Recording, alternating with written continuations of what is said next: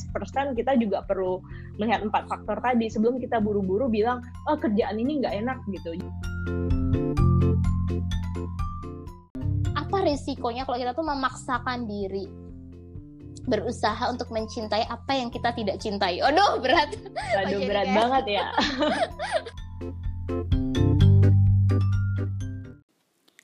Halo, senang sekali saya Zaki kembali menyapa teman-teman di podcast Mini Academy. Pada episode ini, Mini Academy berkolaborasi dengan Ikigai Consulting, sebuah konsultan yang bergerak di bidang pengembangan karir.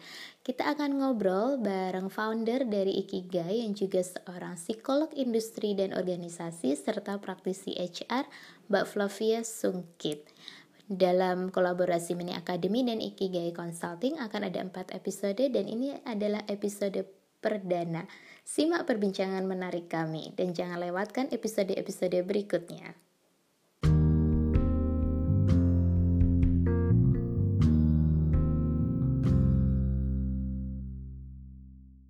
Halo Mbak Flavia, apa kabar?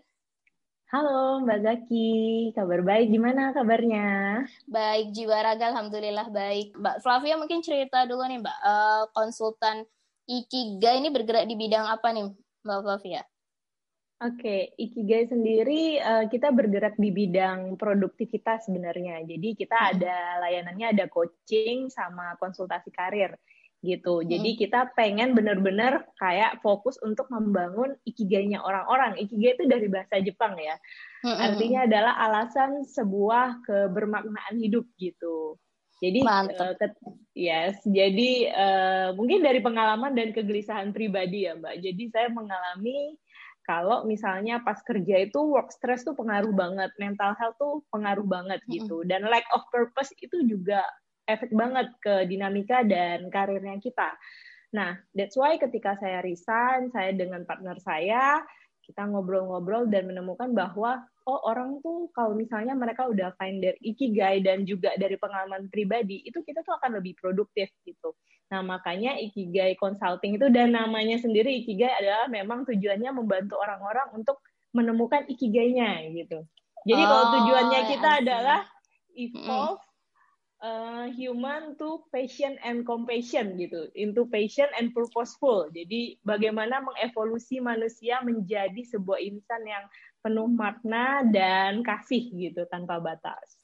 Mantap sekali, mantap mantap. Nanti kita akan ada episode bahas ikigai juga ya Mbak Fla ya. Nah ini teman-teman kita hmm. kolaborasinya tuh akan ada uh, empat episode. Kita ada seri tentang karir dan nanti ditunggu tuh episode-episode berikutnya kita akan bahas secara khusus juga tentang ikigai itu sendiri. Nah untuk episode pertama ini bareng Mbak Fla kita pengen tanya-tanya nih tentang gimana uh, ini mungkin kegelisahan banyak orang ya.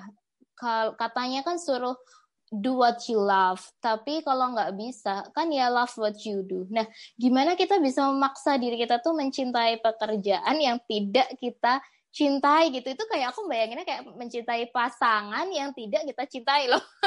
mencintai yeah, orang yeah. ya dipaksa dijodohkan atau gimana gitu prosesnya untuk uh, secara natural aku nggak suka nih sama uh, seseorang atau sama sesuatu aktivitas itu. Tapi kita diminta loh untuk berusaha mencintai itu kan susah ya. Kayaknya kebayangannya tuh susah.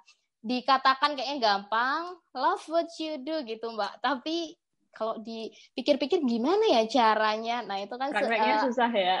Uh, uh, kegelisahan yang menarik. Apalagi nih Mbak Fla uh, psikolog nih, mungkin bisa tahu sebenarnya apa yang terjadi dalam diri manusia ketika kita itu berminat ya, passionate terhadap sesuatu, sama ketika kita tuh nggak passionate, terus bisa nggak sih kita tuh memodifikasi diri kita sendiri? Nah, kita akan tanya-tanya nanti di uh, obrolan ini. Sebenarnya mungkin uh, pertanyaan pertama gini, Mbak, mungkin uh, tanda-tanda kita itu nggak suka sama pekerjaan yang kita lakukan. Gimana sih bedainnya? Jangan-jangan kita tuh nggak sukanya bukan karena kita nggak berminat, tapi karena oh, mungkin masalah gajinya yang kurang ke atau masalah dengan atasan atau kultur perusahaan yang kita nggak fit di situ gitu gimana tuh mbak bedainnya itu kita benar-benar nggak suka karena nggak berminat sama faktor lainnya Oke, jadi uh, kalau menurut saya itu ada empat hal yang memang harus dilihat. Benar banget uh, dari Mbak Zaki ya. Aku setuju bahwa kita masih lihat lagi tuh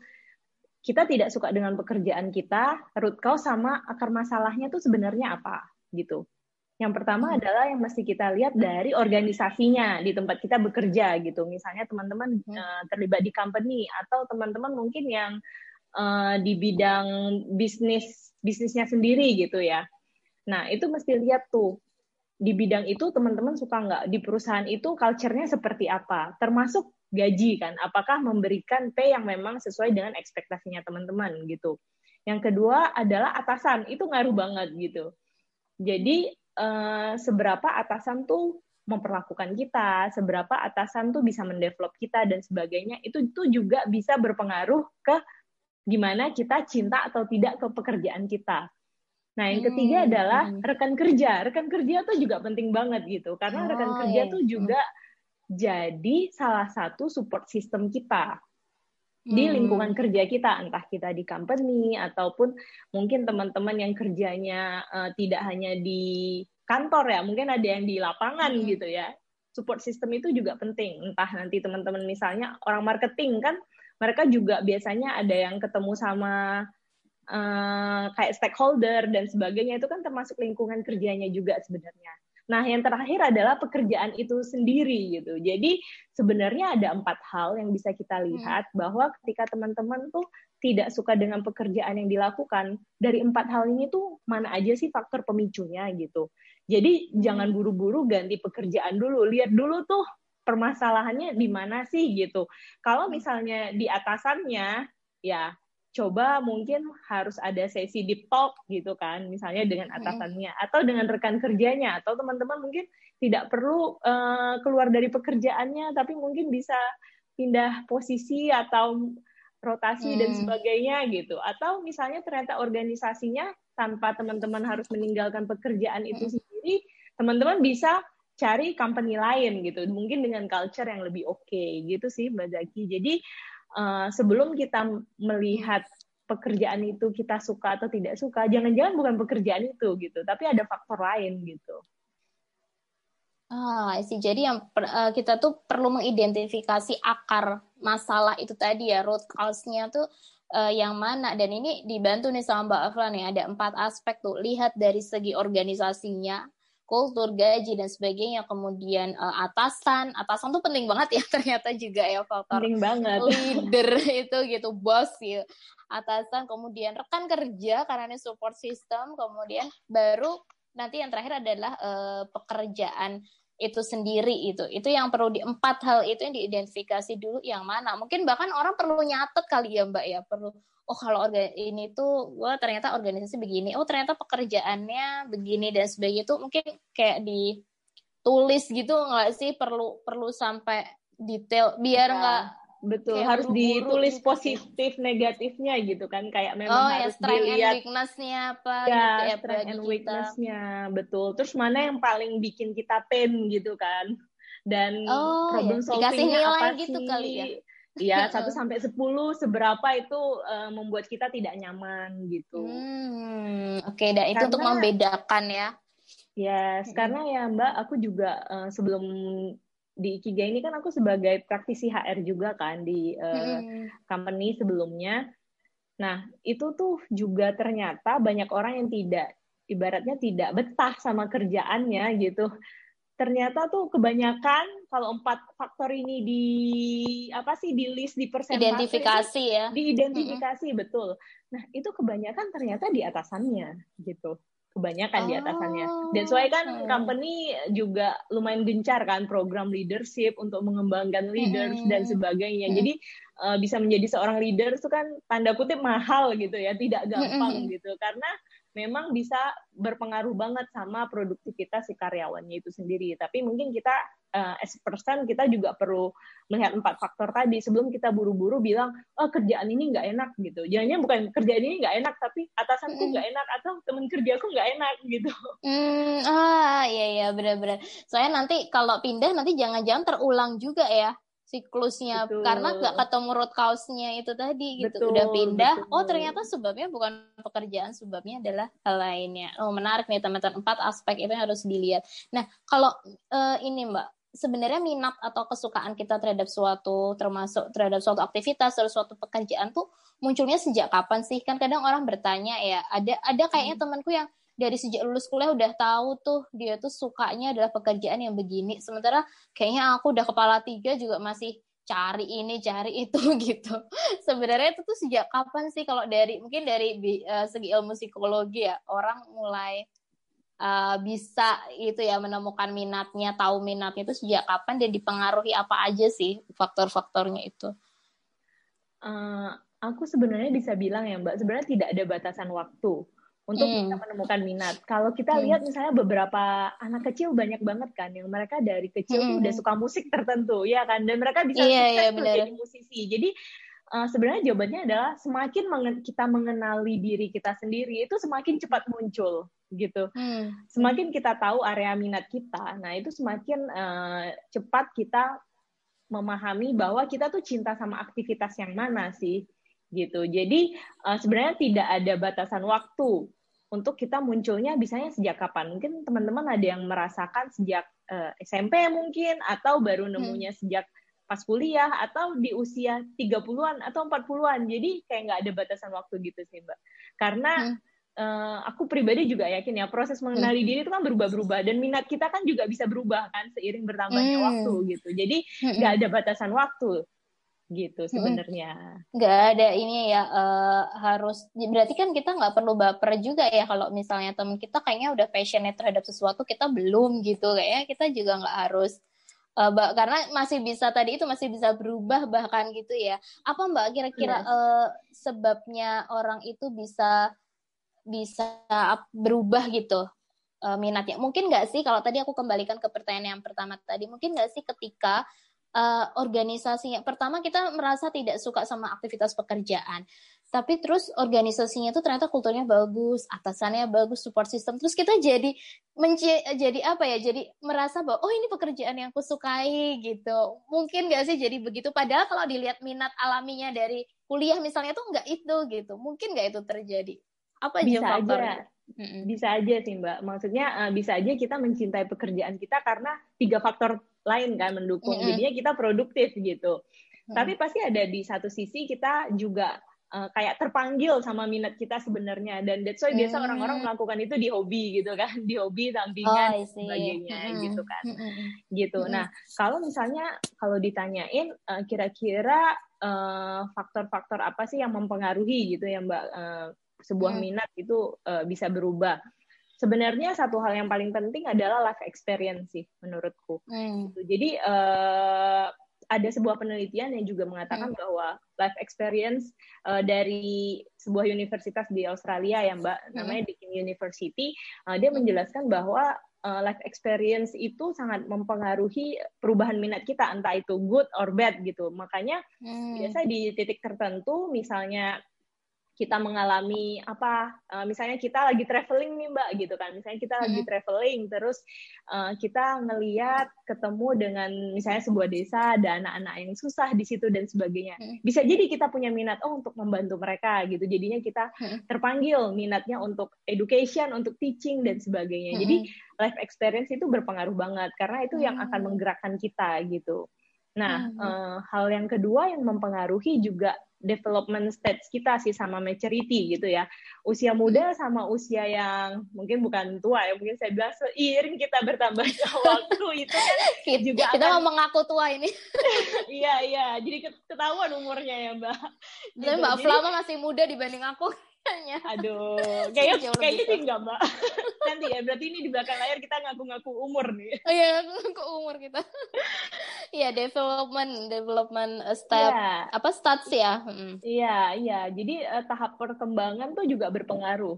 Uh, ibaratnya ketika misalnya kita muda, minat kita kan masih sesuai masih menggebu-gebu kan kalau muda hmm, itu oh hmm. tujuannya ini ini jadi minatnya akan lebih improvement suka sesuatu yang baru gitu tapi ketika hmm. uh, sudah seiring bertambahnya usia itu akan minatnya lebih ke social impact kan akan gimana sih aku tuh bisa berkontribusi untuk uh, hmm. orang lain dan sebagainya gitu walaupun sekarang saya lihat generasi saat ini kayak mungkin juga harus dilihat direview lagi ya teori-teori psikologi perkembangan karena generasi sekarang tuh banyak banget yang muda-muda udah udah ibaratnya udah terpanggil untuk uh, social impact gitu ya. Jadi mm-hmm. itu juga juga berpengaruh. Kemudian uh, yang ketiga adalah perubahan lingkungan sih.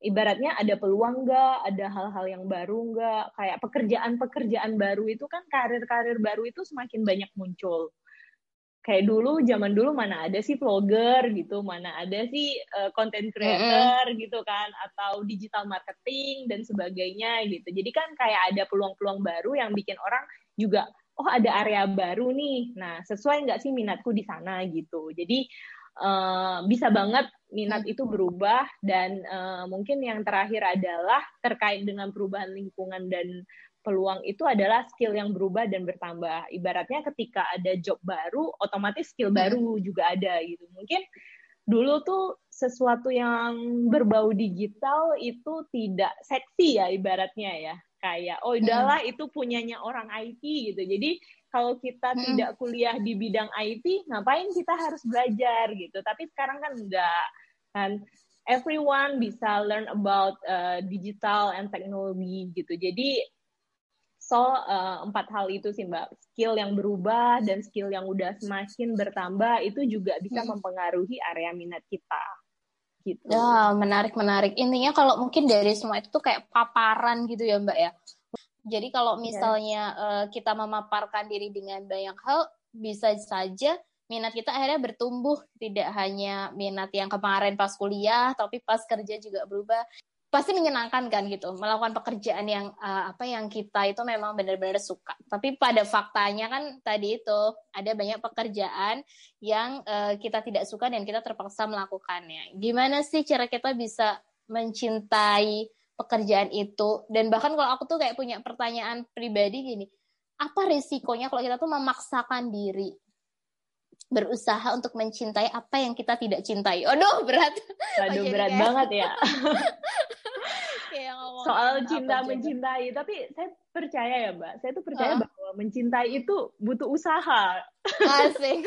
Iya enggak sih? Misalnya nih, yeah, uh, yeah. ibaratnya tadi kan Mbak Zaki juga sempat di awal bilang gitu, kayak ibaratnya mencintai pasangan gitu kan. Kalau kita nggak mm -hmm. mencintai pasangan, dijodohin tuh rasanya gimana? Ya sebenarnya metaforanya mirip gitu ya, Mbak Uh, mencintai itu butuh usaha. Even kita ke pasangan kita, mungkin di awal menggebu-gebu, tapi kan di dua tahun, di tiga tahun, atau mungkin yang udah sampai lima sampai sepuluh tahun kan. Kata orang itu kan cinta itu bisa hilang gitu ya.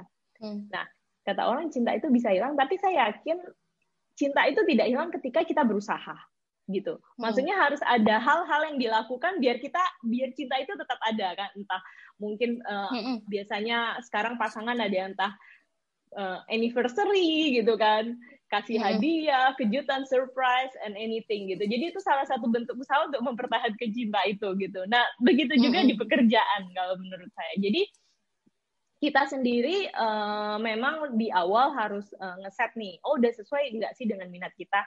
Tapi once kita menjalani, mm. kita juga mesti lihat apakah kita tidak mencintai pekerjaan kita karena root cause tadi kan, selain root cause tadi, atau memang ada hal atau kita tidak berusaha untuk hmm. tetap mencintai pekerjaan itu. Misalnya kalau teman-teman tipikalnya yang suka tantangan gitu, udah belum sih cari challenge di pekerjaan itu gitu. Jadi mungkin hmm. teman-teman tuh sebenarnya oh. suka pekerjaan itu, tapi just kurang tantangan di pekerjaan itu, atau kurang hmm. variatif, atau teman-teman merasa tidak hmm. berkembang gitu. Jadi itu sebenarnya usaha kita untuk mencintai pekerjaan itu, gitu. Jadi saya tuh ada tiga hal sih sebenarnya, hmm. Mbak Mbak Zaki melihat seberapa kita tuh mencintai pekerjaan kita. Yang pertama adalah Figer. Figer tuh uh, istilahnya adalah energi kan. Seberapa sih kita antusias kalau kita udah mulai nggak antusias sama pekerjaan kita, terus hmm. energi positif di pekerjaan kita tuh kita udah nggak ada. Ibaratnya kayak bangun pagi aja, aduh kerja lagi gitu biasanya. Tapi kalau sesekali nggak apa-apa ya, namanya manusia kan up and down. Iya, ada bosannya gitu ya. Benar, ada hmm. kala bosannya gitu. Nah, nah, yang kedua adalah dedikasi gitu kan. Dedikasi itu ibaratnya pengorbanan gitu uh, saya juga misalnya saya lihat tim saya gitu ya Mbak Zaki di Ikigai hmm. mungkin kita startup kecil dan sebagainya tapi saya lihat tim saya tuh kayak penuh dedikasi gitu kan ibaratnya uh, ya jam kerja kan ya namanya jam kerja karyawan ya kita ya Senin hmm. sampai Jumat Senin sampai Sabtu tapi kadang Minggu mereka juga masih willing uh, to work gitu jadi hmm. saya hmm. ngelihat kayak ada pengorbanannya di situ kan dan hmm. uh, mereka memang mau melibatkan diri secara penuh gitu misalnya teman-teman udah kayak uh, hitung-hitungan gitu biar hitungan jam kerja uh, dan sebagainya uh. berarti kayak udah kurang dedikasi gitu kan hmm. nah yang ketiga adalah uh, fokus nggak sih di situ gitu dan happy nggak sih mengerjakan itu walaupun itu sulit gitu. Nah mm -hmm. kriterianya apa? Biasa sampai lupa waktu gitu mbak. Biasa mm. saking absorption kan kayak kita tuh terserap gitu ya. Kadang terserap mm. dengan pekerjaan itu tuh sampai kita kadang lupa waktu. Itu kan sebenarnya ya hal yang nggak baik juga kadang kan sampai lupa makan dan sebagainya. Tapi di salah satu sisi kan itu adalah bagaimana kita tuh mencintai pekerjaan itu gitu.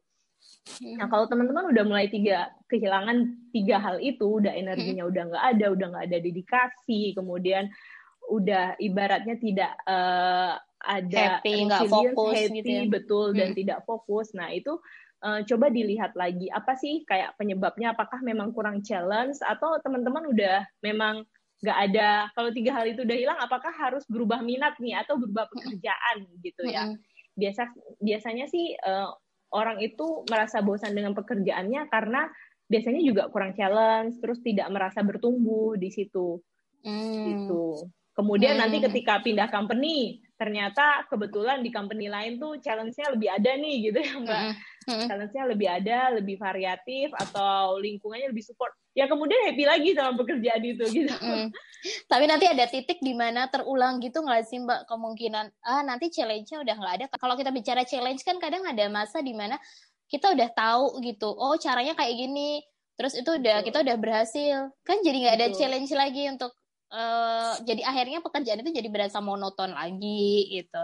Betul, betul. Nah, uh, mungkin indikasinya adalah ketika kita udah melakukan yang kita bisa, ibaratnya ya, kita mm -hmm. sudah berusaha mm -hmm. melakukan yang kita bisa untuk mencintai pekerjaan itu gitu ya. Kita udah berusaha cari challenge, kemudian kita udah berusaha untuk mengupgrade diri, kemudian uh, lingkungan kerja kita juga udah bagus, tapi kita memaksakan diri, misalnya kita jadi stres gitu kan. Kriterianya kan kita stres, kita burn out, dan kita nggak produktif hmm, gitu kan. Yes, nah itu udah tanda-tanda bahwa uh, teman-teman itu memang udah memaksakan diri gitu kan, memaksakan hmm. diri untuk mencintai gitu. Jadi teman-teman ibaratnya dedikasinya tuh udah dedikasi yang dipaksain gitu ya, kayak hmm. dari hati, energi positifnya juga sebenarnya nggak ada gitu, atau fokusnya juga fokus tapi habis itu nggak happy gitu uh, lebih banyak capeknya daripada happynya gitu dengan jadi kayak nggak puas jadi kayak nggak ada job job satisfaction gitu istilahnya mm-hmm. nah itu udah burn out sebenarnya kan teman-teman udah mm-hmm. stres kemudian biasa kalau stres pekerjaan tuh pasti kelihatan kok mbak maksudnya dari physically mm-hmm. gitu ya. Orang-orang lingkungan pasti udah nyadar kan, kayak kok mukanya uh, masem terus sih gitu, kok uh, ya kesehatannya mulai terganggu secara fisik dan sebagainya gitu. Hmm, Oke, okay. jadi risiko be, risiko untuk tadi kalau pertanyaan kembali ke pertanyaanku tadi risikonya itu kemungkinan kalau kita memaksa dan pada akhirnya tidak bisa itu kita bisa mengalami uh, ini ya gejala-gejala psikologis yang negatif gitu kayak stres lah, burnout gitu.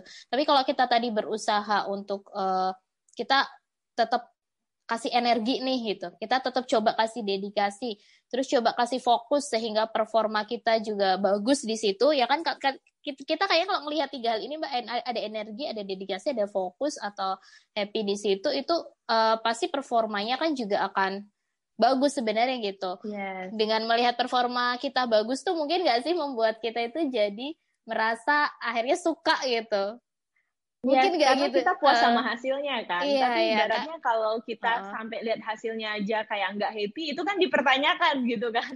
Oh, jangan-jangan okay. memang kita memaksakan diri gitu. Misalnya hasilnya udah baik gitu. Kalau hasilnya nggak baik ya itu wajar ya. Namanya manusia pasti kita kecewa pasti kita sedih dan sebagainya. Tapi misalnya hasilnya baik 1 sampai 10 aku happy-nya uh, di angka 5 gitu. Jangan-jangan kita tidak mencintai pekerjaan kita gitu karena kita nggak puas sama hasilnya. Hmm. Gitu. Berarti kalaupun kita udah berusaha mencintai itu bisa aja tetap nggak bisa ya Mbak pada akhirnya.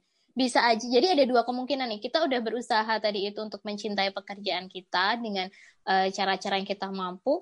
Bisa saja hasilnya adalah kita tetap nggak bisa gitu. Boleh dibilang iya, gitu. Iya, cinta itu tidak bisa dipaksakan gitu. Kok malah berat juga ya. Bisa aja, bisa aja. Itu uh, udah titik burnout yang tinggi gitu ya, udah very high burnout gitu. Jadi uh, benar-benar biasanya kan kayak burnout gitu kan uh, biasanya numpuk juga. Yang tadi aku bilang kan faktornya banyak sebenarnya nggak hanya di pekerjaan, di lingkungan, di uh, organisasi dan sebagainya gitu. Jadi ketika hasilnya baik dan teman-teman tidak merasa puas dan kayak stres berkelanjutan, terutama stresnya terus menerus gitu. Nah uh, dan mungkin stress copingnya juga tidak oke okay, gitu ya karena dari pekerjaannya sendiri tidak membawakan kebahagiaan buat kita. Nah itu juga ya itu mbak. Jadi uh, tanda-tanda kita bahwa kita memang udah tidak mencintai pekerjaan itu gitu. Hmm, dan tidak bisa memaksakan diri pada akhirnya gitu ya. Yes, uh, kita harus mulai untuk explore hal lain gitu. Hmm, ya itu sebenarnya menjadi jadi ini mungkin boleh dibilang bukan suatu yang buruk juga ya karena mungkin itu saatnya kita eksplor hal lain itu tadi sehingga minat kita bertumbuh sehingga minat kita jadi ada hal baru mungkin dan uh, kita bisa menemukan sesuatu yang lain gitu ya Mbak ya. Yes, Nanti aku jadi yes. melihat sudut pandang yang justru positif. Aku tadi sempat, waduh kalau kayak gitu ya udah gimana lagi ya gitu. Kalau nggak bisa terus apa? Tapi kalau lihat sisi positifnya, ini justru menjadi alarm nih untuk kita ekspor. Jadi kadang ketika kita uh, tidak bisa benar-benar nggak bisa memaksakan, udah berusaha tapi kok tetap nggak bisa, uh, lihat sisi positifnya bahwa oh ya berarti ini saatnya aku bisa eksplorasi gitu ya, mengeksplor hal-hal yang baru. Nah ini nanti Betul. akan be, akan munculnya aku jadi penasaran lagi ke pertanyaan berikutnya. Sampai kapan kita harus mengeksplor untuk karir-karir kita? Sampai kapan kita harus uh, apa ya? Ada nggak sih gitu batasan usia gitu? Karena kan kalau minat tadi bisa berubah, tapi gimana soal karir? Ya kan karena kan mau sampai kapan gitu? Kita harus eksplorasi hal-hal baru terus. Nah, kita akan bahas ini di episode kedua ya, Mbak Fla ya. Oke. Okay. Untuk ya, uh, usia versus membangun karir. Kalau tadi minat bisa bertumbuh, tapi gimana nih dengan tuntutan pekerjaan, tuntutan karir, tuntutan keluarga dan lain-lain gitu ya? Apalagi ada problem baru lagi ya. Ada problem baru lagi gitu. Kalau tadi ada alarm untuk explore, tapi gimana dengan uh, kondisi usia dan mungkin faktor lain di keluarga dan lain-lain. Nah, kita akan bahas ini di episode 2. Menarik sekali Mbak Fla, terima kasih atas you, ini sharingnya udah uh, banyak banget yang kita dapetin. Tadi itu akar masalah itu yang harus dicari dulu diidentifikasi kemudian eh, hal-hal uh, yang berpengaruh life experience kita bagaimana. Intinya paparan-paparan kita perubahan lingkungan juga harus kita lihat untuk melihat minat kita. Lalu uh, mencintai itu butuh usaha berikan energi yang terbaik, dedikasi yang terbaik, dan fokus di pekerjaan itu. Kalau nggak bisa, mungkin itu alarm untuk kita ekspor hal baru lagi. Terima kasih Mbak Fla untuk episode kali ini, dan kita uh, ketemu lagi nanti di episode kedua tentang usia versus karir. Makasih, makasih semua yang telah menyimak. Ketemu lagi di episode-episode berikutnya. Dadah.